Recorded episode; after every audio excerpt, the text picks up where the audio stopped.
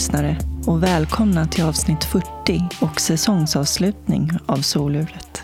Jag heter Jasmine Nilsson och i Soluret möter jag människor från alla samhällsskikt. Jag är nyfiken på vad som formar oss till de vi är. Kan en avgörande händelse påverka eller definiera en människa? Eller är det årsringarna som formar oss? Hur påverkar miljöer och människor oss? Hur påverkas våra vägval av våra förutsättningar? Dagens intervju spelades in i Dieselverkstaden i Stockholm. Min huvudsamarbetspartner är det internationella hjälpmedelsföretaget Invacare. Idag får ni möta Anissa Mohammed Hassan. Anissa växte upp i Somalia och har levt både i krig och hedersförtryck. Som vuxen bestämde hon sig för att fly med sina barn till Sverige i hopp om ett bättre liv. Idag är Anissa en stark röst i kampen mot könsstympning i Sverige. Hon arbetar som särskilt sakkunnig inom nationella kompetensteamet mot hedersrelaterat våld och förtryck. Här kommer Anissa.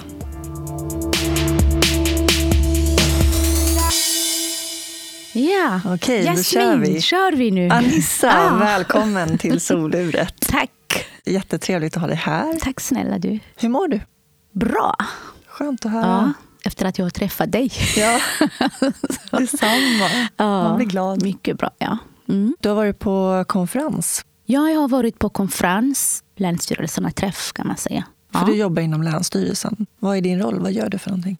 Jag har fått ett uppdrag mot könsstympning sedan 2013 var det. Så det är lång tid som du har Ja. arbetat med det. Sex år tror jag har jag jobbat med det och jobbar fortfarande med detta.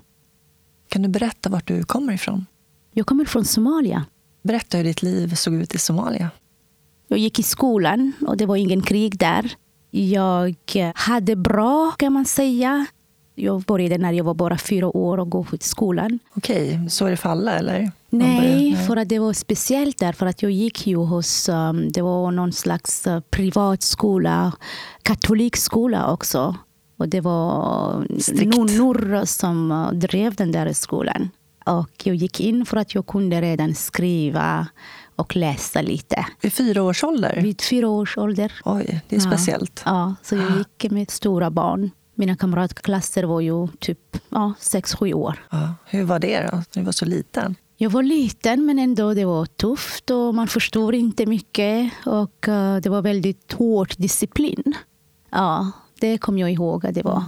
Så jag gick där och sen när eh, jag eh, fyllde ungefär sju år, då bytte jag skola och jag gick till en annan skola.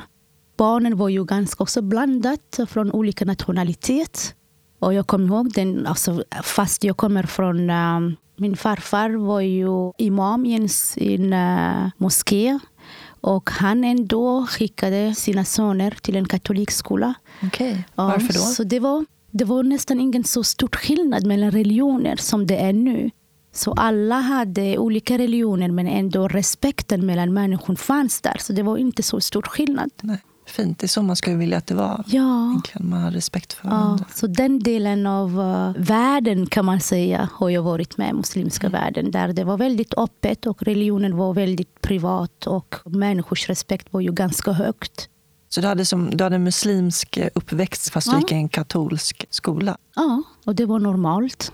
Och på den tiden, eh, det som jag kom ihåg var ju att de enda som hade burka till exempel, de här religiösa stora kläderna, det var ju nunnorna. I Somalia hade man ingen slöja, ingen burka. Men ändå hade man en jättestor respekt. Hur såg livet ut? Tänker på fritiden och sådär, när du inte var i skolan. Och... Ja, när jag var inte i skolan, det var, alltså jag var ganska fri kan man säga på den tiden. För att um, jag kommer ihåg när jag var typ uh, 11, 10 år. Då hade vi också lärare från andra länder som uh, undervisade oss. Och det var en lärare från Italien. Och han var ju min italienska lärare och mattelärare. Och när han kom till oss, då hade vi alla nästan, han tyckte att det var så konstigt för att eh, alla tjejerna hade de här pärmarna på Madonna-bilder. Ja. Och alla killarna hade Maradona. Pärmer och pennor. Och, Ja, ja. och då, då, då sa han, när han, ibland han blev lite irriterad på oss för att ibland man lyssnar inte och alla hade ju olika Du vet, man är där, Ja. man är tonåring och tjejerna som... Och då sa han direkt en gång, ja, jag är i en klass där alla tjejer bara drömmer om Madonna-röst. Ja, och alla killarna drömmer om Maradona-fötter. Hur ska vi lösa det här? När ska ni lära någonting? ja. Så den delen eh, av Somalia har jag varit med. Där alla flickor och pojkar, alltså till exempel när vi gick på gympan, alla hade nästan samma kläder. Det var inte så mycket skillnad mellan flickor och pojkar. Okej. Alla tjejerna och pojkarna hade vita shorts och vita t-shirt. Sen blev det som det är nu. Ja. Och när blev det så? När började konflikterna? Konflikten och eh, kvinnors förtryck började mest efter kriget och under lite grann kriget också. 1991 började kriget. Kan du berätta för dem som kanske inte vet hur kriget började och varför? Det var en uh, inbördeskrig där eh, olika klaner började att kriga. Och det handlade bara mycket om makt och så. Och kriget började i norra Somalia där nu det kallas för Somaliland. Och sen det spridde sig över hela Somalia. Det var bara bland somalierna, de som hade makt och eh, territorier och vapen ville ha mer makt, tror jag, i min lilla värld. Det var en eh, klankrig. Det finns många klaner och det finns minoritetsklan. Och jag tycker att det är så... Och alla olika språk, eller hur ser Nej, det alla har samma språk, Och kultur. samma kultur, samma religion, samma hudfärg till och med. Och ändå människor hittar hela tiden olika skillnader mellan för att bara ha makt bland folk. Det har alltid varit så. Jag tycker att det är väldigt, väldigt otäckt att man hittar hela tiden de som skiljer oss. Oavsett om man har samma färg, samma... Det är alltid så. Alltid varit så. Och sen började kriget och eh, ja, det blev väldigt tufft. Man såg ju massa... Ja, man bara överlevde dagen ut. Så allting bara förändrades och allting förstördes på en gång också. Hur gammal var du då när det började? Jag tror att jag var vid 13, 14 Ja. år ungefär. Allt bara, alla drömmar och allting bara stannar.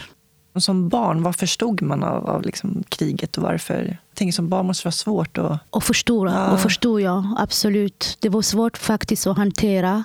Sen var vi tvungna hela tiden att byta område för att bo i en uh, säkra kvarter kan man säga.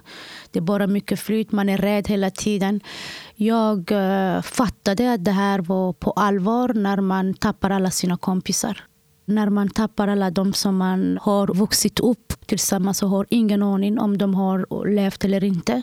Man blir ännu mer chockad när man har hela tiden att den dog, någon som du kände. Så det blir ju att man är hela tiden rädd, eh, skrämd hela tiden och eh, fattar ingenting. Och sen ser man döden hela tiden.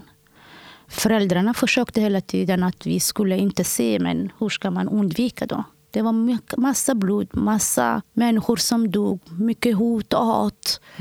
Det var hemskt. Hemskt. Alltså det är svårt att förstå också när man sitter här i trygga Sverige Mm. hur det är att uppleva ett Mm. eh, krig så Mm. nära. För jag tänker, man lever ju med en sorg. Man hela tiden får veta att kompisar har dött och gått bort. Mm. Att det liksom, Mm. Man måste bearbeta en sorg också samtidigt som man lever i det här kaoset. I det här kaoset. Och man be- bearbetar inte. Nej. Man bara lär sig att um, fortsätta att leva och sen vet man inte. Och hela tiden man, man lever i en spänd liv. Man vet inte om en minut om det kommer att falla en bomb där. För att man hör hela tiden och man ser ju att en bekant kom bomben där och sen hela familjen försvann på en sekund. Man bara springer. Alltså det är ju det värsta. Det värsta som kan hända hos en människa. Att uppleva krig och död, dödlighet. Och det går ju, det kommer fort. Allt som var fint och byggt och allt, allt bara kraschar på en sekund. Ja. Och sen den mänskliga som man också har försvinner. Det här är till exempel eh, för att kriget har pågått längre där. Eh, Ja, att sitta still till exempel. Att eh, tvätta sig händerna. Att stå i kö. Att tacka till exempel. Det försvinner. Man blir som ett djur. ja, det har jag upplevt i, Mm. i hur- många, många år. Ja. Hur går det att ha ett liv? Går det att ha en vardag? Eller liksom, kunde du fortsätta då i skolan? Eller hur såg det ut? Nej, efter kriget det blev inga skolor. Allting försvann. Inga sjukhus, till exempel. Det blev ju småningom efter några år små privata skolor. Innan kriget alla flickor och pojkar gick i skolan. Men när det blir privatisering då folk satsar mer med pojkar. Ingen på? egen valuta även. Valutan Aha. försvinner också när det hamnar i Just krig. det. Det. blir ju man jätteanarki och kaos. Ja. Men jag har eh, levt inom krig och sen ibland det blev bättre. eh, några år, kanske ett år eller två. Vi har flyttat kring hela Somalia. Man blir ju van sen. Mm. Kanske i den området fanns inte mycket dödlighet. Men ja, att man flyttar hela tiden. Det blir liksom normaliserat. Gör ja. Normaliserat. Och sen jag kom ihåg att det blev ju också lite att alla ville berätta det som har hänt där och den bomben som fall. Och, ah, jag var där när det har hänt. Det blir ju en helt annat sen. Ja, man Det blir en blir, del av vardagen. ja, det blir ju en, en del av livet. eh, Mer normaliserat att leva. Mm. Efter flera, flera år fick jag veta att min bästa kompis när jag gick i skolan har jag hittat eh, för fem år sedan. Jag trodde att hon hade inte överlevt. Oj, var här Ja. i Sverige eller vart fann ni Eh, varandra Hon då? bor ju nu i Schweiz. Jag hittade henne på sociala medier. Vad häftigt. Det är jättehäftigt. Vilken Du kan inte upplevelse. fatta hur det kan... Ja, Nej. man tror inte på. Mm. Fick också bekämpa massa med förtryck. Hur såg förtrycket ut? Förtrycket mot kvinnor var ju starkt. Fast eh, alla kvinnor, det var de som eh, bidrog i ekonomi. När alla män krigade, då var det kvinnorna som eh, sålde grejer, hade olika business för att få in pengar och försörja familjen. Ja, men sen kom det den där politiska islam där alla kvinnorna måste ta på sig de här burka eller Ja. slöjan, uniformerna. Fast det var inga, inga kvinnor som var med i krig. Nej, precis. Det kom då den här äh, förtrycket jätte, jättesnabbt och, äh, och vi fick inte gå ut utan äh, slöjor. Och det kom ju jätte, jättesnabbt. Och sen hörde man hela tiden det här med haram och halal, haram och halal. Någonting som vi hade aldrig hört talat om. Och vad var det? Förbjudet inom islam eller tillåtet. Mm. Fast vi var muslimer innan dess. Alla var ju muslimer. Men det kom en annan typ av islam som vi inte kände igen. Och du fick ha burka. Ja, Burkar är den som är heltäckande. heltäckande. Heltäckande. Ja. ja, svart Okej. och heltäckande. Ja.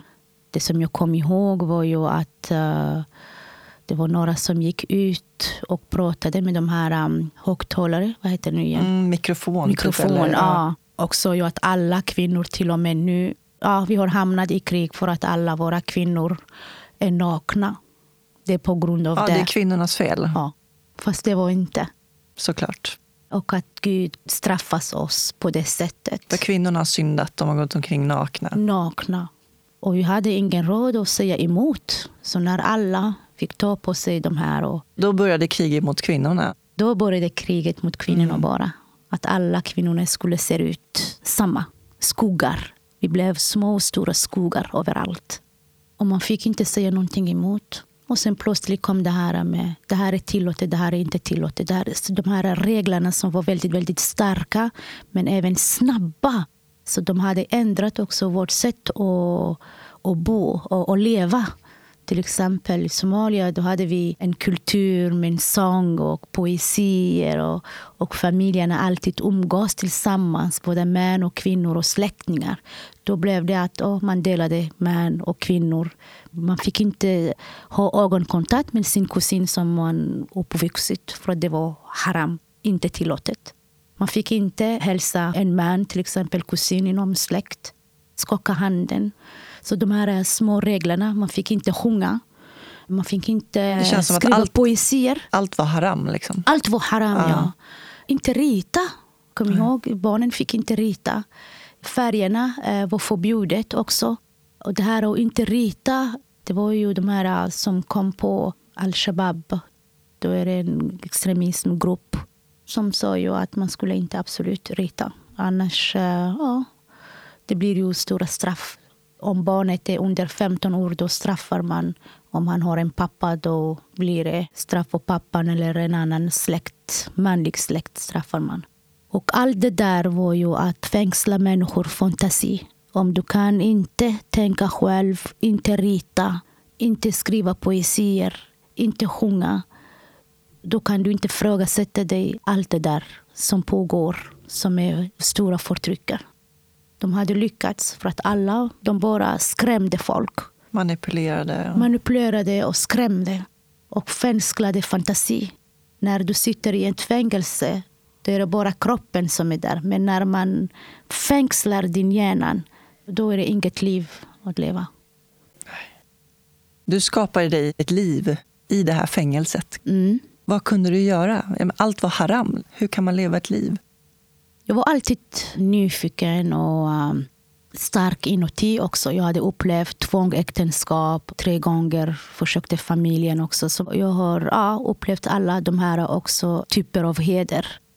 Jag var 13 när familjen förberedde. Men lyckades inte för att jag eh, förstod inte själv vad, vad det här handlade om. Och eh, killen som jag skulle gifta mig, han var ju typ 17 år äldre än mig. 16-17 år där. Och det var ju familjen som hade ja, kommit överens. Och jag var väldigt ung inne mentalt. Väldigt, Såklart, väldigt ung. Ja. Och hade ingen aning om uh, kroppen och allt det där. Och, och sen fick jag veta att ja, men plötsligt att jag skulle gifta mig.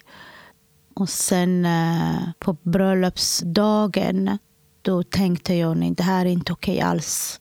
Jag hade träffat hans eh, mamma som kom på flera gånger och hälsade på. Och, och då bara jag tänkte när vi satt i ett ganska stort rum och jag var påklädd redan och alla var jätteglada och, och dansade och mat överallt. Och sen eh, den här killens mamma, hon satt ju mitt emot mig där och var, hade massa med guld och du vet, och, ja, väldigt stolt att jag skulle gifta mig med hennes son. Och, och sen tittade jag bara hennes blick. Och jag hatade henne. För att inre i mig jag tänkte hela tiden att jag vill inte bo hos henne. Eh, och jag hade sagt till min mamma även där att jag vill inte bo där. Jag har redan en familj. För att hon sa ju de kommer att bli din familj nu och alla är stolta över det här. Och du ska vara snäll och lyssna. Och, och då tänkte jag jag vill inte lämna mina syskon. Jag mm. vill inte bo hos någon annan. Jag vill inte... Men sen det är ju så att man ingen lyssnar. De bara förbereder det här. Och, Men du kände att det var fel någonstans? Att det här ja, inte, mm. jag ville inte. Jag visste inte alls uh, om hur uh, man blir gravid. Jag hade ingen aning om det. Och de trodde bara att jag kanske någon har berättat. Och Det är ju någonting också som man inte pratar hemma. Det här med kärleksrelation och samlag och hur man kan bli gravid och pubertet. Och, då pratar man inte hemma. Bara det enda som jag visste var ju att när två vuxna är gifta och bor tillsammans, de gör någonting som inte är okej. Okay. Äckligt kallade mm. jag. Men inte det här med sam... Jag hade ingen aning. Jag hade ingen bröst alls. Så jag var väldigt, väldigt ung mentalt. Ja, ja men den gången slapp du i alla fall eh, ja. efter dig. Ja, ja, ja. ja. ja. Jag tänkte bara... När jag såg på henne tänkte jag nej, jag ska skrika fula ord på henne. Och jag visste att det var någonting som man får absolut inte göra. Och då gjorde jag. Man har den här respekt över en vuxen. Och speciellt blivande, hans blivande mans mamma. Mm. Det är ju ännu mer respekt. Ja. Jag bara ja, sa några fula ord. Att jag ville inte bo hos henne och skrek högt. Och spelade lite galen. Och, så att hon skulle inte våga och ta mm. med mig. Som Men och det gick jättebra. Det gick... Ja. Men jag tänker, ehm, din familj då? Smutsade du inte ner deras heder då? Och liksom de blev, oh, ja. vad blev konsekvenserna av det? Det blev en jättestor chock och uh, jättebesvikelser. Och, uh, jag blev ju misshandlad också på grund av det. Men sen tänkte de ah, att hon är kanske liten. Vi har kanske överdrivit. Men eh, det blir ju så att, mm, att man tappar respekten också inom familjen. Va? mamman som är väldigt uh, som blir väldigt, väldigt ledsen av det. Och alla kusiner och mostrar och alla släkt som såg det här som ett stort grej och sen plötsligt att du svek dem. Det är väldigt, väldigt stort. Det var mm. en stor chock för dem. Men uh, ja, vad skulle jag göra då? Men det var bra för mig för att uh, ja, de, de tyckte att ja, men hon är kanske, ja, hon fattar inte det här. Men sen när jag var 17 år, då förberedde de och ville bortgifta mig igen. Va? För mm. att jag var ganska stor. Och, men jag ville inte. Men det var det också att uh, när man säger att jag vill inte, då är det ingen som lyssnar på dig. Nej. De bara säger nej men det här är bra för dig. Och de är en bra familj. Och vad ska du göra annars? Och det där med kriget också gjorde att uh, jag hamnade i sådana situationer. Hade vi ingen krig, då hade jag kanske en annan utväg. Studera mer. Och vad hände efter det? Nej, när jag visste att de skulle inte lyssna på mig ändå och att de bara förbereder det här och så. Och då tänkte jag, oj, nu ska jag också tänka hur jag ska sabotera det här. Mm. Så hade jag bra. Första gången var det mycket mer impulsiv. Jag var impulsiv. Men andra gånger jag planerat exakt vad jag skulle göra.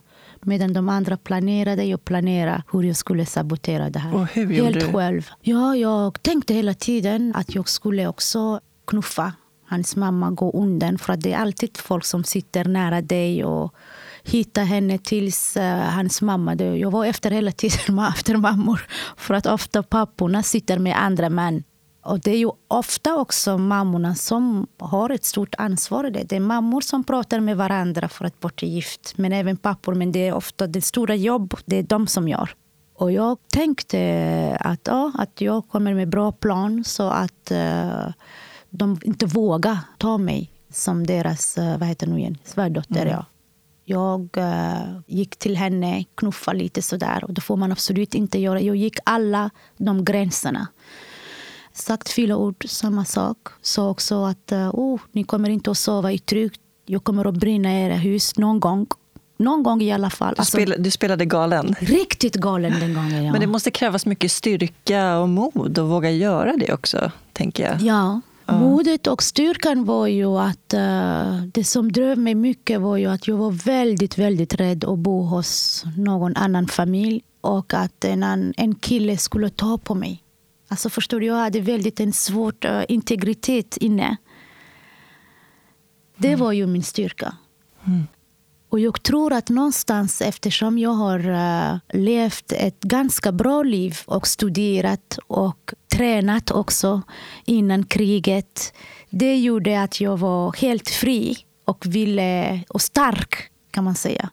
Hade jag bott i en liten, liten by gick inte i skolan till exempel. Inte upplevde som jag hade upplevt. För att jag hade många kompisar, både killar och tjejer. Då hade jag inte vågat. Nej. Du visste kunnat. hur livet kunde se ut ja, utan förtryck. Utan förtryck, ja. ja. Exakt, mm. Jasmin. Ja. Och det var det du föreställde dig liksom, ja. i framtiden också? Ja. Att det var så du skulle leva? Mm. Och sen vart det en tredje gång försökte de också ja. gifta bort dig igen? Ja, igen. Min mamma pratade med mig innan dess. Eh, och eh, tredje gången var ju 22 år, 23. Och eh, det var första gången vi har haft en så bra samtal, kvinna till kvinna. Hon berättade allt som hon gick igenom. Hon öppnade väldigt sitt hjärta med mig.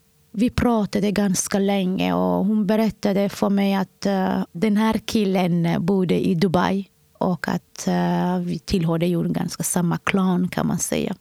Och att de var bra och att efter allt de har hört också om dig ändå vill ha dig som fru. Jag hade aldrig träffat honom. Men det var en stark vilja mellan familjen. Jag tror att där min mamma har försökt ja, att bidra att han skulle gifta med mig. Hur gammal var han? Några år äldre än mig. Så det var inte sån extrem skillnad som Nej, nej, nej. Var han var kanske åtta mm. år äldre mm. än mig. Ja. Men han såg ut jätteful. Förlåt att jag...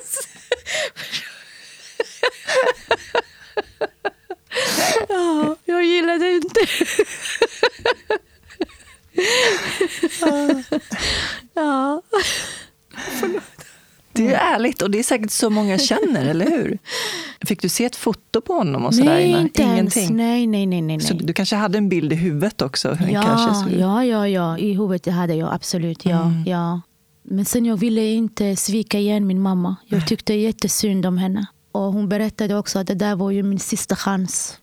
Och sista chans eh, för familjen också, rykten. Du vet. Så det var ett sätt att eh, lyfta familjens heder. Du vet. Mm. Vi hade misslyckats flera gånger. Ryktet har spridit. Du kommer att gifta dig med den här killen nu. Ni kommer att resa till Dubai. Du kommer inte att bo här. Alla kommer att glömma allt där som du har gjort. Alltså förstår du? Du var tvingad att göra det? För... Ja, ja, ja. Och jag fick träffa den här killen. Och när han kom, som jag sa, ja, jag kände inget och gillade inte. Vi satt i ett rum, bara han och jag. Och han bara pratade och pratade och pratade. Jag var inte med, jag lyssnade inte ens. Jag vet inte var jag var någonstans. Men jag ville inte sabotera någonting alls. Nej. Och sen plötsligt han tog min hand. Och den kontakten, alltså jag, jag, det skrämde. Alltså jag, jag gillade inte, jag bara skrek. För du hade aldrig haft fysisk kontakt med män nej, tidigare? med män. Han gjorde inget fel. Han bara pratade och pratade. Men om jag kanske hängde med när han pratade. Jag var helt borta. Sen min, min mamma kom in och, och jag bara hittade på att han är, han är konstig och han, är, han gjorde någonting. Och, och här hade jag bara babblat om all, allt möjligt för att säga att det var hans fel, inte mitt fel. Och han bara han sprang ut. Han vågade inte sitta där. För att de hörde också någonting om mig. Och, och jag sa ju Ja, det var en stor besvikelse inom familjen och även med mig själv som jag inte klarade. Du vet, ja, det var hemskt. Vad hände sen då? Jag ville verkligen inte leva. Jag ville inte. Jag ville allt. Jag ville att jag skulle försvinna. För att jag har svikit igen familjen. Jag ville inte leva längre. Men sen eh, de har haft ett möte, hela familjen. Och man väntar och väntar och väntar. Och sen jag blev kallad. Och sen de bara sa att eh, det var Guds öde. Alltså det var ditt öde. Vi har kämpat mot Gud hela tiden. Från när du var 13 till idag. Och vi ville förändra ett öde som redan Gud har bestämt. För att uh, du kommer aldrig att gifta dig. Och du kommer aldrig att få barn. Och du kommer att bli en gammal flicka. Och jag bara chockad tittar. Vad menar ni? Alltså, jag vill inte leva. Nej, men du ska leva. Men du kommer att bli en gammal flicka. Förstår du? Så vi har bekämpat Gud och sånt, berättar de. Och jag visste inte vad det var, men jag mådde illa. Sen blev jag behandlad på ett helt annat sätt under år och efter år. Det här att jag blev liksom en arbetskraft när det var bröllop.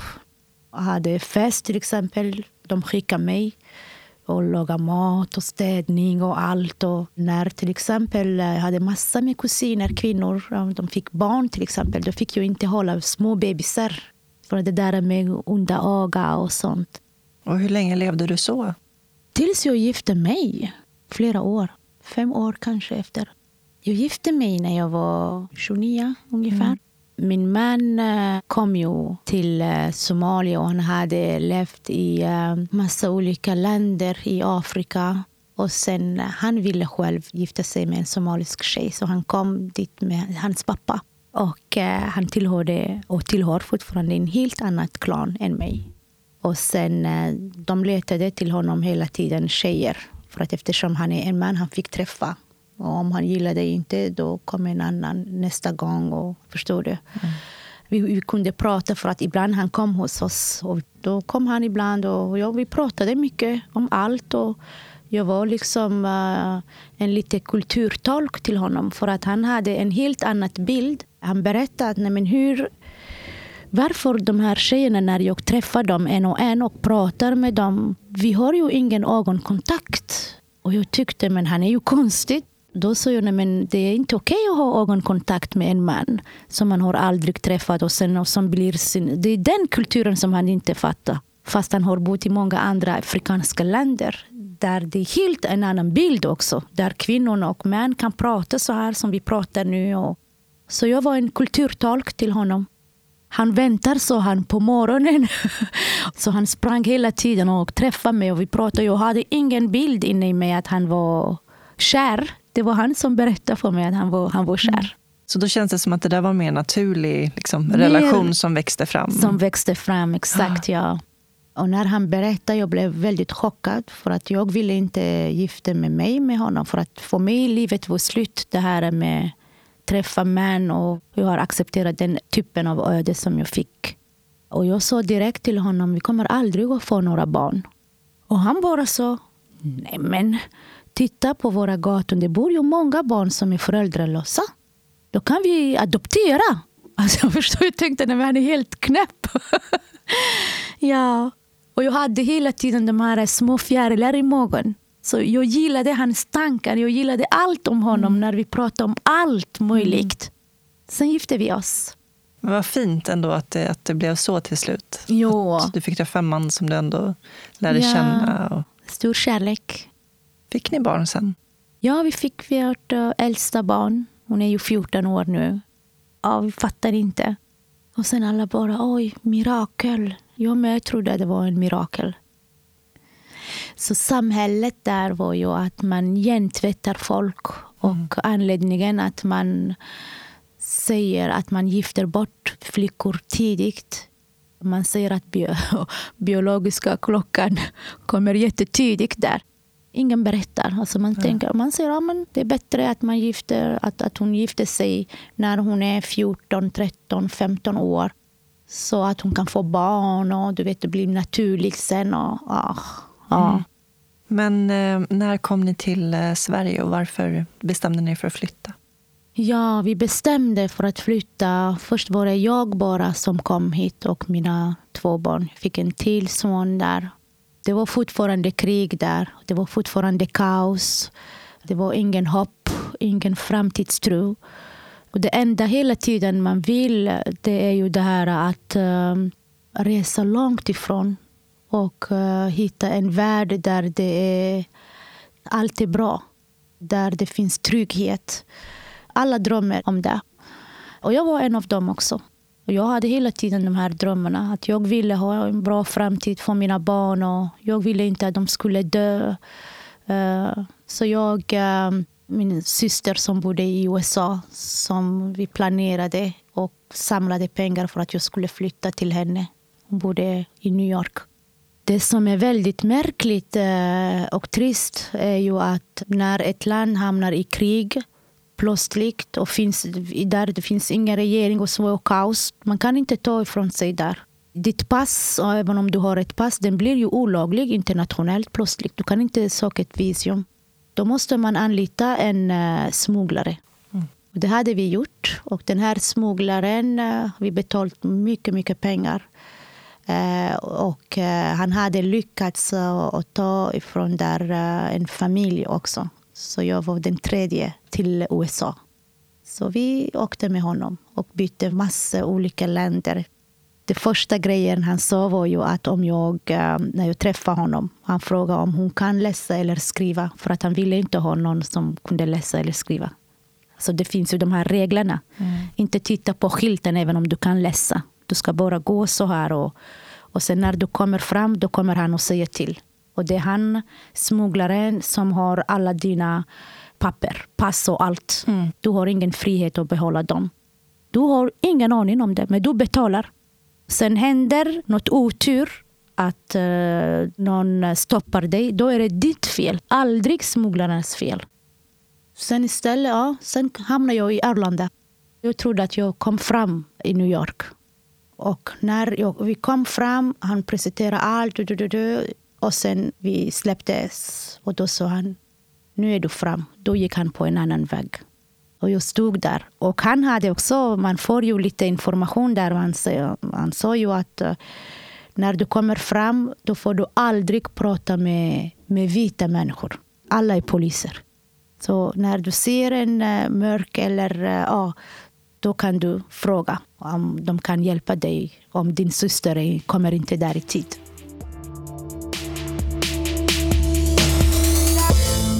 Nu sitter jag tillsammans med min samarbetspartner Invacare och framför mig har jag Melanie. Hur är läget med dig? Jo, det är jättebra. Tack. Du är en färsking här på Invacare. Ja, det är jag. Det är fjärde veckan nu. Spännande. Yes. Vad gör du för någonting här? Jag jobbar med kvalitetsfrågor Just nu håller jag på att lära mig alla system och hur jag hanterar de ärenden som kommer in. Vad är det för ärenden? Det kan vara allt från um, att ett hjul har ramlat av en rullator och hur vi åtgärdar det. Hur känns det nu att vara ny här? Det känns bra. Jag tycker det är ett trevligt gäng här. Och det känns framför allt tror jag just på Invec här att man, det man gör har någon mening. Alltså det är kanske därför jag sökte jobbet här. Att eh, det är viktigt att de produkter vi säljer är bra produkter och att eh, man har slutanvändaren i tanken när man hanterar kanske om det är sådana vigilance-ärenden som jag tar hand om. Att det är viktigt att det funkar mm. och att vi gör ett bra jobb där, kvalitet.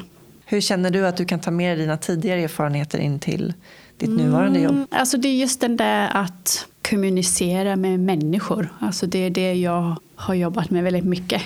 Även om det är administrativt det man gör, det är att ta hand om ett ärende så för att se till att det blir gjort ordentligt och att man um, försöker lära sig av alla grejer som kommer in så man kan förbättra och effektivisera det, hur man hanterar saker. Mm. Tack så mycket Melanie. Ja, varsågod. Och eh, lycka till ja, med tack. det nya jobbet. Tackar. När förstod du att du hade hamnat någon annanstans, i ett annat land? Jag eh, hade tur. Efter eh, kanske 10-15 minuter då eh, såg jag några från, två kvinnor och en man från Somalia. Då frågade jag dem och jag hade gömt telefonnummer till min syster under min bh. Man skulle inte ta med sig. Och då tog jag fram den och jag sa snälla kan ni ringa min syster. Jag letar efter henne, hon kom inte nu. Eh, hon kanske finns någon annanstans här på flygplatsen om ni kan hjälpa mig att ringa. Jag har ingen mobil, ingen telefon.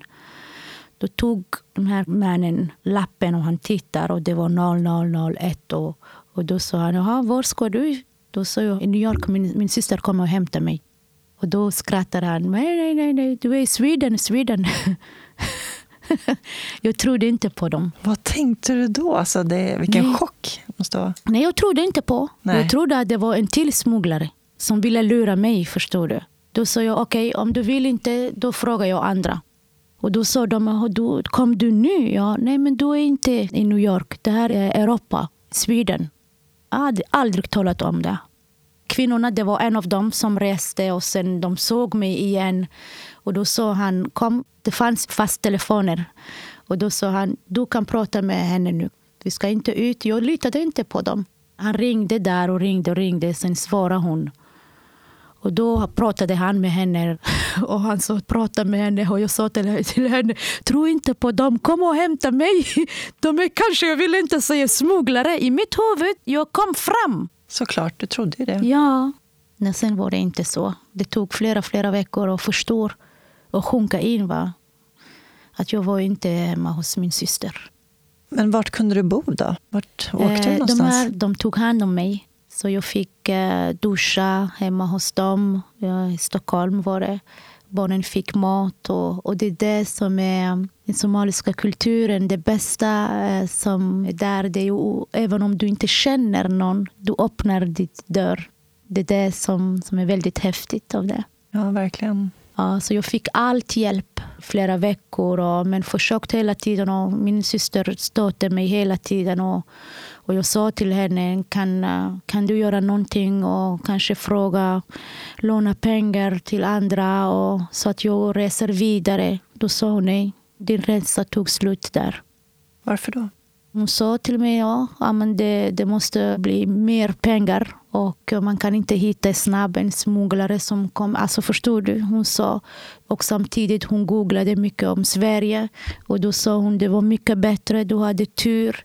Dina barn kommer att ha bra vård där. Där ni kommer att få bra bemötande. Hon googlade här för att det var inte planerat att jag skulle hamna här. Nej. Då sa hon acceptera nu det här. Och du visste ingenting om Sverige? Jag hade ingen aning. Ingen mm. aning. Du vet när, när du har ingen aning. Om jag visste, då kunde jag ha kollat läget lite. Mm. Men jag hade ingen aning. Hur gammal var du då? Hur gamla var dina barn? Min dotter var tre år ungefär mm. och sonen var ett. Det var en tuff resa. Helt ensam i ett okänt land där du känner ingen. Inte språk. Sen hamnade vi eh, till Migrationsverket och hamnade vi i norra Sverige där. Och, och förstår och, och tänker hela tiden nej, ja, men nu ska, jag ska vara här. Jag kan inte resa vidare nu. Hur fick du möjligheten att vara kvar? Fick du asyl? Eller? Ja, Mm. vi fick möjligheten att vara kvar. Jag hade också tur att bo i, en, eh, i ett litet rum. Jag och barnen. Och första gången vi var ensamma gick ut med vagnen på gatorna där. Och det var väldigt, väldigt häftigt. Där jag tittade. Jag såg det första som jag blev chockad var ju när jag var på parkerna, till exempel fåglarna. Innan kriget så fanns det många, många fåglar i Somalia, det område där jag bodde. Men sen med kriget, jag såg inte det enda fågel. Hemskt. I flera, flera, flera år. Grönt, allt var grönt. Och det var så vackert. Ja. Vad var det för område du hamnade i? Det var en asylboende, men jag fick ju en... eh, Eftersom det fanns ingen plats i den där asylboendet, då fick jag, jag och barnen bodde i ett litet, litet lägenhet bara för oss själva, som var nästan centralt också. Okej. Som vi fick gå ut själva och prata lite med folk från asylboende och ville veta mer också där om, om Sverige. Efter en månad jag har bott. Var är jag någonstans? Ja, precis. ja, Helt annan värld. ja, helt, helt annat värld. Ja. Helt annan kultur. Helt annat kultur. Ah. Och det var under sommaren var det. Bra tid att komma i alla fall. Ja, men även eh, stora kulturkrock också. Det var första gången i mitt liv när och jag och mina barn promenerade lite. Då såg vi en, en kvinna som cyklade. Hon kom ju långt ifrån oss. Och det hade hon bara bh och short. Herregud. Ja, Ja. de är nakna. Ja, men jag trodde att hon var galen riktigt. Eh, För att eh, de som har psykisk eh, väldigt sjuk, och de har ingen kläder där. Ja. Och de kan plötsligt ta en sten och kasta på Och sen ber- berättade jag till en eh, familj som jag ibland umgås. Vi gick och handlade, men jag kunde inte gå och handla heller. Jag var jätterädd sen. Ja. Sen kom jag tillbaka och berättade. Idag såg jag en, en galen kvinna. Hon cyklade och hon var, aha, vart? Hon cyklade va? Ja, hon var naken. Och de skrattade. Då sa hon, aha, kom, jag ska visa dig där många nakna sitter och solar. Fick du se det då? Ja, ja, ja, jag kunde inte titta. Jag sa nej, jag vill inte. Och hon skrattade och skrattade. Nej, titta nu, nej, nej. Ja, det är intressant att höra liksom, från dina ögon sett hur det är att, att komma till ett nytt land. Ja. Så extremt olikt det du kommer Extremt från. olikt, ja. Hur såg processen ut efter det? Då? Fick uppehållstillstånd och sen fick jag byta det område där jag bodde då. Och precis när jag började på SFI där Alltså jag var så tacksam, Jasmin, att jag fick en, en lägenhet. Att jag fick handla mat. Att mina barn gick på dagis och fick börja och sitta i skolan och lära mig. Så jag var så tacksam och ville göra någonting. Va?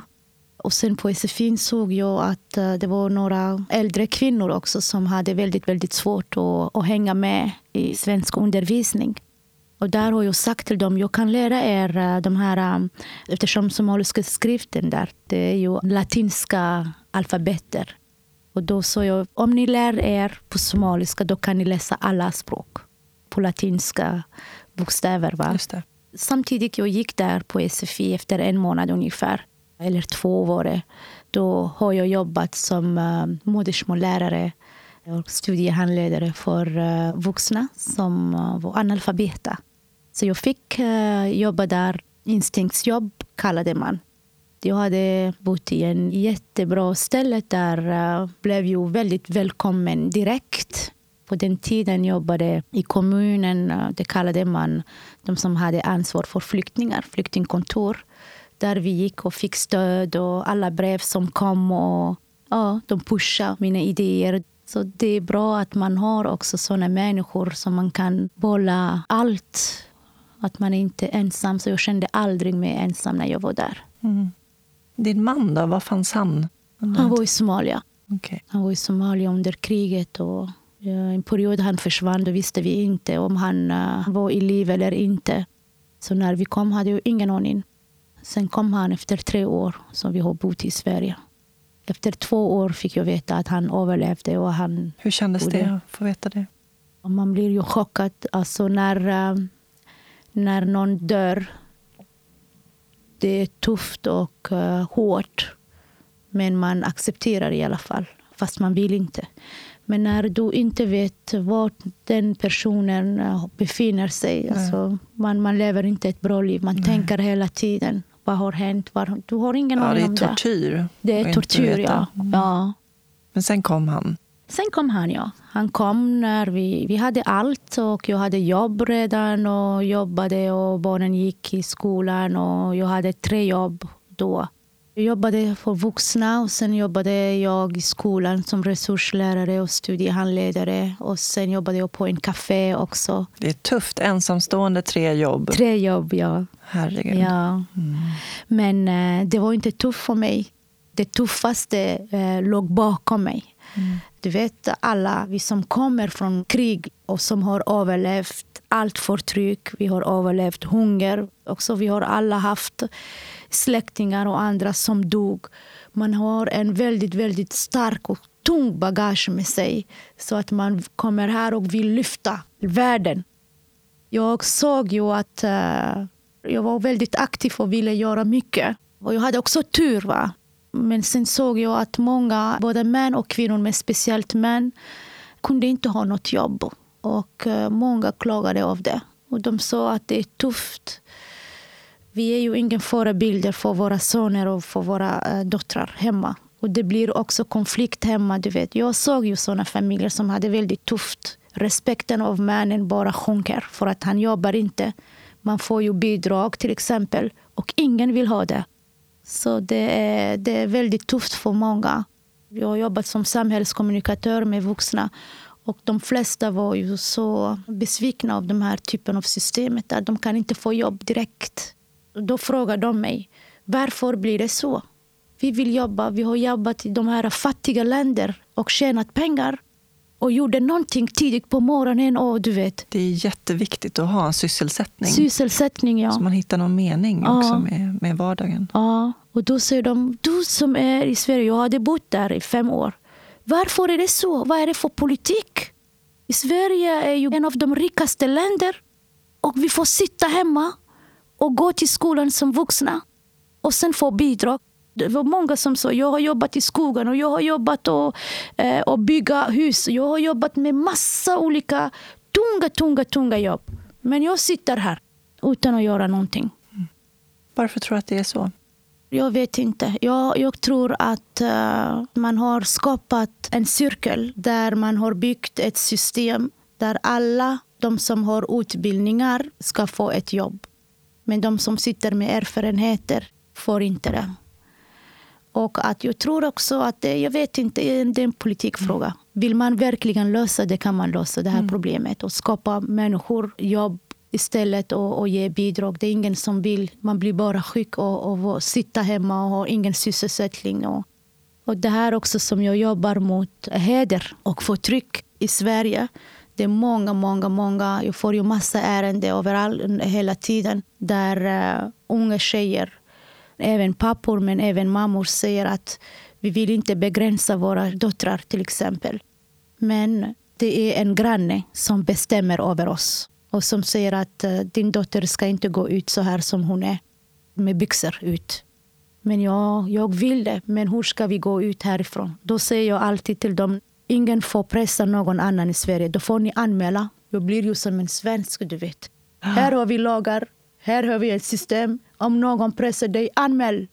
Och då säger de, vad ska jag anmäla? Till polisen. Och då säger de, jaha, du vill att jag får mer problem då? Och jag vill flytta från den här segregerade området. Om jag flyttar då kan jag våga och anmäla. Men om jag bor fortfarande där då blir det ännu mer tuffare. Folk är väldigt fast. Fast man satsar så mycket pengar på integration och massa olika projekt. Och, men man, jag ser ju inte så mycket förändring. Nej. Hur kan det vara svårt att folk jobbar och tjänar pengar själva och blir frisk mentalt? Jag tror inte att det kan vara så, så svårt. Jag känner också efter många år som jag har bott i Sverige att uh, man pratar hela tiden om integration och integration och de ska anpassa sig. Jag har anpassat mig dagen ett och uh, mina barn har gjort det. Och många barn, när jag har jobbat till exempel i skolor, nya anlända barn, några månader efter, de pratar på svenska med ja. varandra. Mina barn gjorde också. Man tar direkt det här landet. Va? Men sen ser jag att uh, någonstans där det finns ett stopp. Den här ömsesidig integration, det saknar vi väldigt, väldigt mycket. Jag är ledsen att det är så. Mm. Men det, det är så. Ömsesidig integration och folk måste förstå vad de här som har blivit drabbade av krig, deras erfarenhet, vad de har varit med. På det sättet kan vi verkligen bygga en, ett bra värld, ett bra Sverige. Inte den Sverige nu som finns som är vi och de samhället. Polarisering i luften hela tiden. Det här är ju någonting som jag har varit med också i Somalia. Fast mm. man hade samma kultur och samma hudfärg och samma religion när eh, den här extremismgruppen kom, al-Shabab, då var de inte extremister. Al-Shabab, själva namnet betyder de unga. När de fick in i, i politiken, deras politik var ju att få bort alla militärer som var utländska militärer. Etiopier och Amison, afrikanska militärer där. De tjatade hela tiden. Om vi har inte de här militärer i, i Somalia, så de utländska militärer, då kommer vi att ha fred. Det är de som skapar konflikter mellan oss. Jag tyckte att det var sant mm. och alla röstade för dem. Men plötsligt när alla militärer var borta, då vände de sig för oss. Och mm. de som har betalat stora, stora priser, det var kvinnor. Mm. Så alla de som har inte bett som dem, de var fiender. Kvinnorna först, homosexuella, alla, alla, alla. Så uh, jag förstår inte den här eh, uh, högerextremistluften hur människor kan tro att de kommer att skapa ett bra Sverige. De vill bara komma åt deras politik. Och deras politik är ju makt över andra, förtryck, mm skrämma, fascism. Jag hatar det. Du var bara åtta år när du blev ja? könsstympad. Mm. Orkar du berätta om det? Det här är ju en, det värsta förtrycket mot kvinnor. Och det börjar tidigt eh, för flickor när de är små. Det är tre miljoner flickor som blir stympade varje år. För att uh, man har kommit på att om man skadar deras könsorgan att deras sexualitet kommer att begränsas. När det gäller omskärelse, det är ju ett begrepp där man använder bara för pojkar. Och ofta säger man att om man omskär en pojke, det är ju för hans hälsa blir bättre. Men när man könsstympar en flicka, då vet alla att det är mot hälsa men ändå man gör för att begränsa, för att bekämpa kvinnors sexualitet. Ja, man ska inte få ha någon sexualitet Nej. överhuvudtaget. Ja. Jag har berättat många, många år och många, många gånger. Och anledningen att jag har berättat var ju att folk fattar vad det här innebär. Jag kan berätta. Den smärtan som jag hade, det har nästan alla, alla flickor de som jag har mött i Somalia och de som jag möter i Sverige och som har blivit utsatta för detta.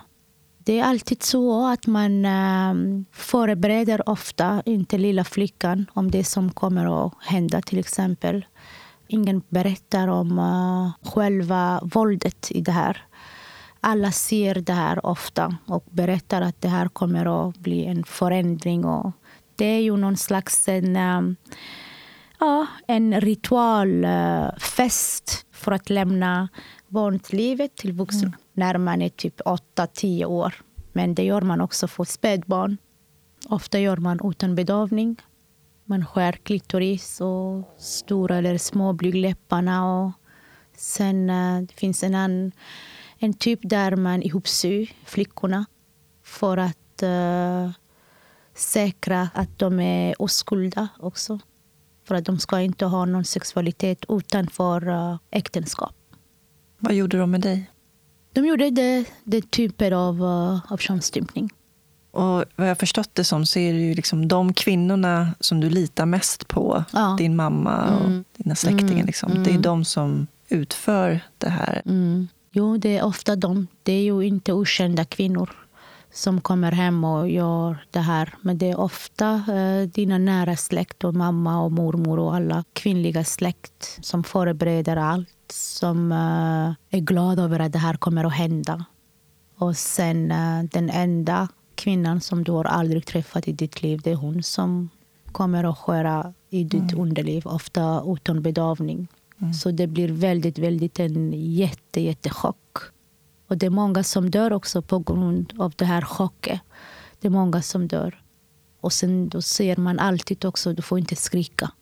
Jag har hört hela tiden att när man eh, skriker, då kommer ilskan ut. Men när man håller in allt, då chocken blir ännu större. Därför också flickorna dör. Det är så svårt att föreställa sig den smärtan och, liksom, och ett barn, Åt barn. åttaårigt barn. Liksom, som, Mm.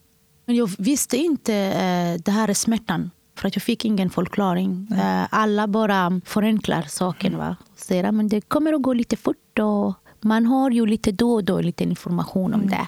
Men inte tydlig information. Det enda som man har är bara festen och presenter. Och du vet, därför det blir ännu mer chock. Kommer du ihåg när du vaknade upp? Ja, det är, det är bara smärtan, smärtan som slutar aldrig. Och det värsta var ju att jag, eh, man får ju inte heller uh, värktabletter. Jag hade mina storebror och lillebrorsan som blev omskurna. De blev ju behandlade på ett helt annat sätt. Eh, Min pappa, som var grunden en eh, ortopedläkare, var med och de fick värkstablett och infekterade, eh, vad heter det? Desinfekterade Des- desinfekterade verktyg. såret och allt det där. Det var inte min pappa som har omskurit dem, men man hade anlitat någon som jobbade inom vården.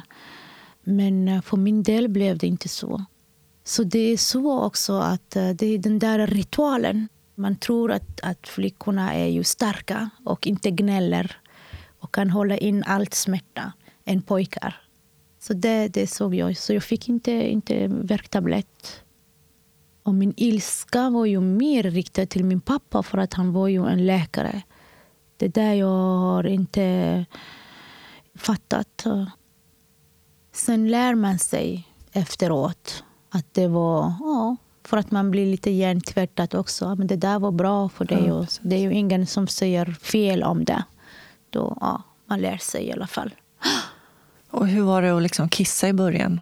Väldigt, väldigt jobbig. Eh, väldigt jobbig i början. För man syr igen helt, eller? Man syr igen helt. ja. Även urinröret tänker jag liksom blir ju instängt. Instängt, ja.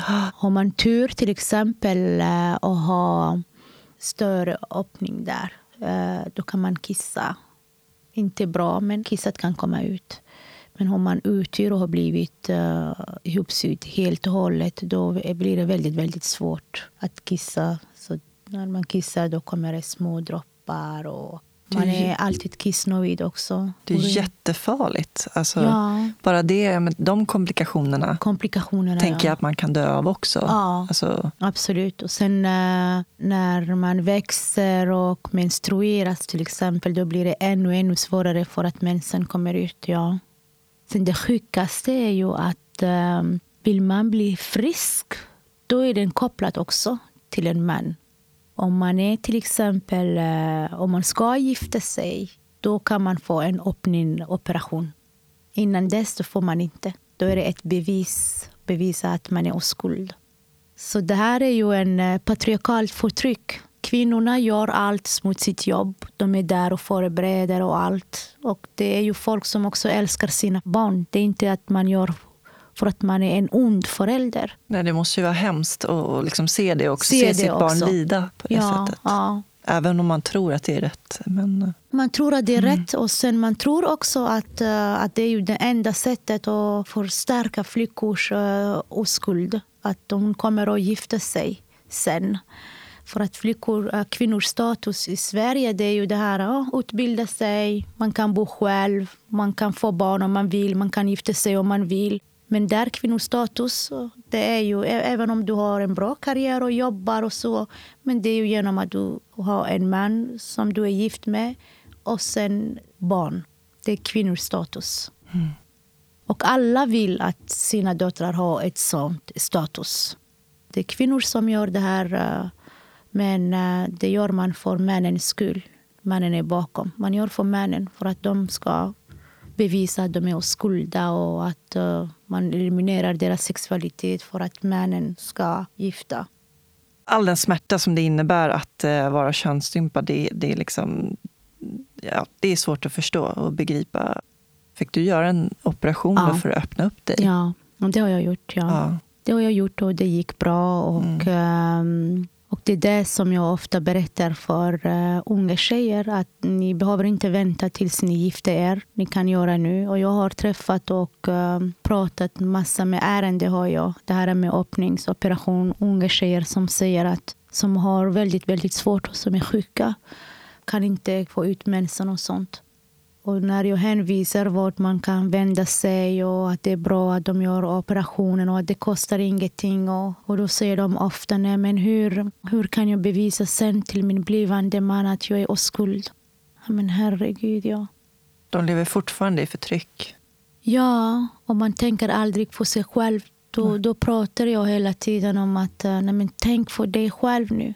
Du ringer mig, du är sjuk på allvar och du tänker på en blivande man som inte finns. Hur kan du gifta dig någon gång i ditt liv när du har såna här svårigheter och sjuk och kan inte gå upp från sängen? Och... Blodet kan ju koagulera sig ja. och då blir det lite som endometrios. Endometrios, exakt. Ja, Lite mm. samma mm. symptom. symptom. Och det innebär ju jättemycket smärta och ja. det måste ju vara jättefarligt. Mm. Men visst är det så, du lever under skyddad identitet, eller hur ser det ut? Gör du det fortfarande? Ja. Och det är på grund av din dotter, att du inte vill att hon ska Lite gå den, igenom. men även uh, det arbetet jag gör. Det är det också. Det är mycket, mycket bättre nu. Mycket, mycket bättre. Det finns alltid någon som vill begränsa och uh, som vill att man ska inte prata om det um, tabubelagda ämnet. För att jag pratar inte bara om könsstympning. Jag pratar mycket om uh, de här oskuldnormer och jag pratar kärlek för alla. Jag pratar att eh, man behöver inte vara olika kön för att älska varandra. Jag är emot allt våld och jag är för kärlek. Och jag eh, uppmuntrar många flickor och många killar att stå emot allt förtryck och välja ett liv där de känner sig trygga och bra. Tänk inte på, ofta säger jag, giftermål och allt det där. Man kan vara själv och bo själv och jobba och ha det bra. Sen om man vill skaffa barn, då är det okej. Okay. Annars man kan göra vad man vill. Så det är det som...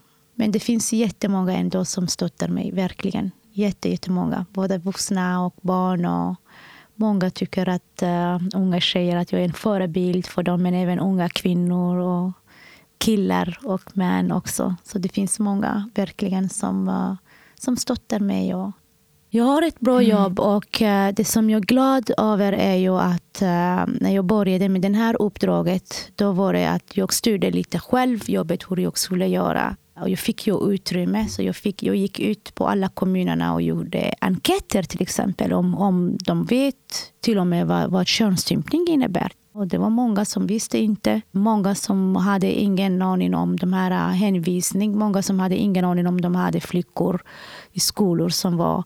Ja, och där har jag börjat om. Bidragit ganska mycket. Väldigt, väldigt stolt över att eh, vi har ju fortfarande begrepp där man kallar för kvinnlig könsstympning. Så för äh, sju år sedan när jag kom och jobbade med den här äh, regeringsuppdrag mot könsstympning skulle vi skriva något rapport till regeringen. Då sa jag nej, vi ska inte skriva kvinnlig könsstympning. För mig kvinnlig lät det som en kvinna. Då sa jag nej, flickor ska vara där. Könsstympning av flickor och kvinnor. För att man könsstympar små bebisar och små flickor. Men eh, det som är bra, den står ju på alla regeringens rapport också. Så det är jag väldigt, väldigt glad. Mm. Ja. Det ska du vara stolt över. Verkligen, mm. ja. Jag läste också att det har funnits i över 3000 år, könsstympning. Mm. Man hade hittat mumier som var ihopsydda.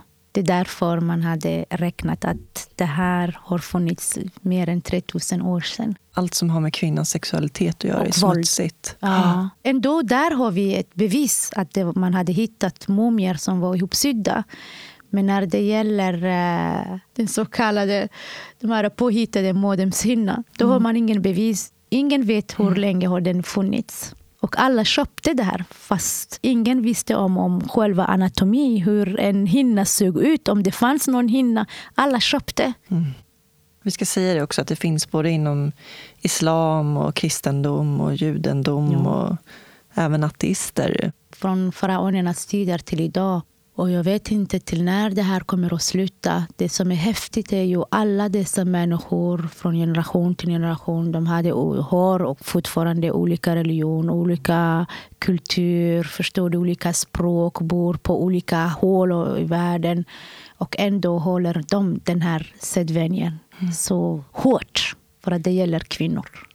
Fattar du? Alltså, det är hemskt. Alla andra förtryck har nästan försvunnit. Men den är ju en urgammal tradition för att eh, äga kvinnors kropp.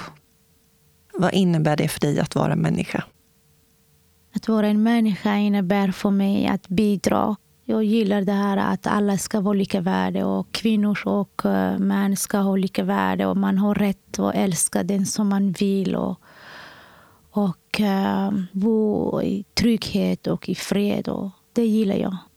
Vad betyder frihet för dig?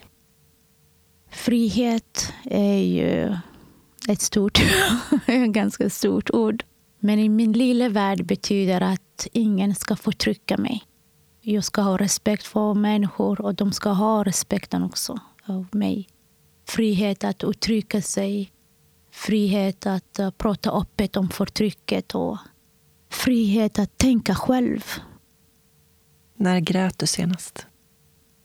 Oj, för några veckor sedan tror jag. Varför? Mm. För att jag såg ju förtrycket också som finns i Sverige inom olika verksamhet.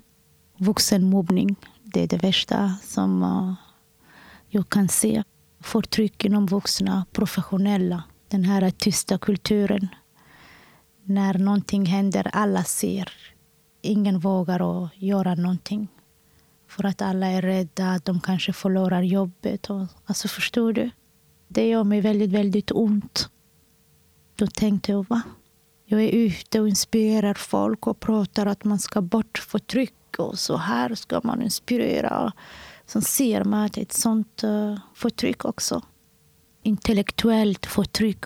I den värld där jag kommer ifrån, folk säger precis vad de tänker och tycker. Men här är det på ett annat sätt. Och uh, jag tänkte att uh, det är också farligt. Vad gör dig arg? Såna saker. Vad gör dig lycklig? feedback från uh, de som jag möter. Från tjejer och killar. Från när jag löser ett ärende, till exempel att det går bra. Då tänker jag wow, nu det gick bra.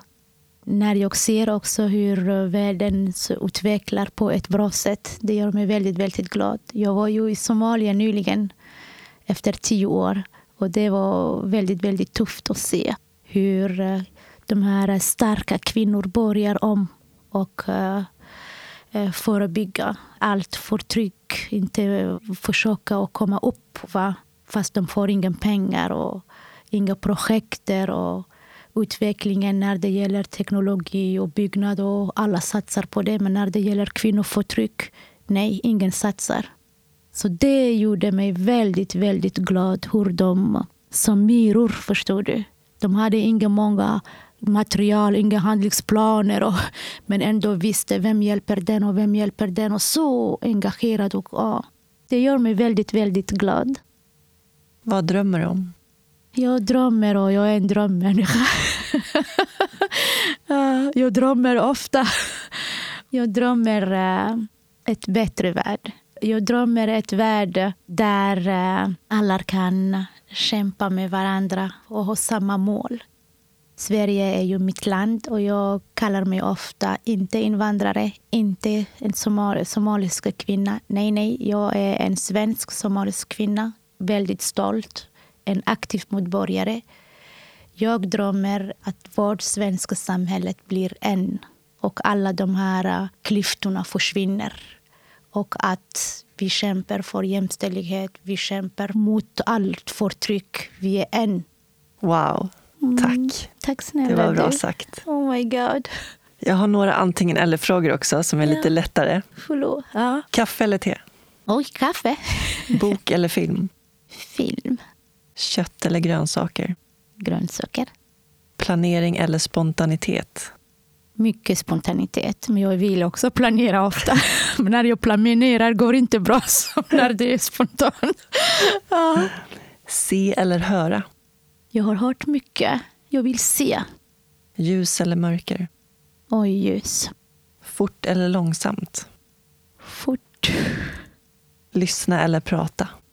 Lyssna. Tack så jättemycket Anissa för att du delade med dig av din livshistoria. Tack snälla du att jag Tack. fick komma och berätta om det. Jättetrevligt att ha dig här. Du är fantastisk. Jag bara satt. Jag vill krama dig bara. Åh, Du är fantastisk. tack snälla. Anissa berör mig på så många plan. Samtidigt som hon berättade om det mest otänkbara och fasansfulla som en människa kan utsättas för utstrålar hon en sån värme och glädje. Efter intervjun var jag uppfylld av lyckorus och kärlek. Jag kände mig inte ledsen, utan snarare hoppfull över att det finns människor som Anissa. Något som vi glömde ta upp i intervjun och som är viktigt för Anissa att förmedla är att hon tillsammans med Länsstyrelsen i Östergötland har tagit fram ett könsstympningspass som ett verktyg i det förebyggande arbetet. Könsstympningspasset kan användas som ett informationsdokument och som ett stöd i att stå emot eventuella påtryckningar från släkt och övrigt nätverk som förespråkar sedvänjan.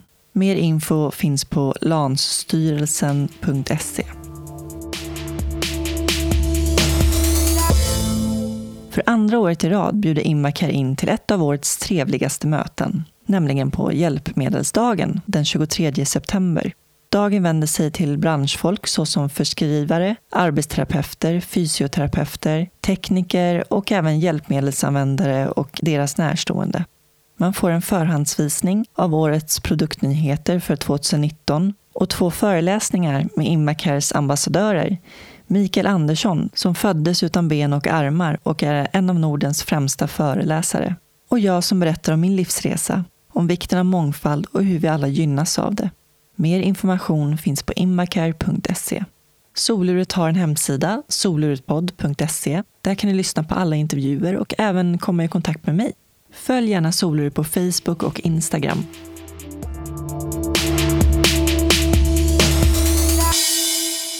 Med tanke på dagens gäst avslutar jag mitt citat av Nina Björk. Jag har funnit en kvinnlighet som samtidigt skapas av kulturen och förtrycks av den. Tack kära lyssnare för denna säsong. Ha en fortsatt underbar sommar. I höst kommer Soluret tillbaka. Tills dess kan ni passa på att hinna ikapp alla avsnitten som ligger ute. Kom ihåg att varje livshistoria är unik och alla har något att lära oss. Ta hand om varandra där ute. Puss och kram. Hej då!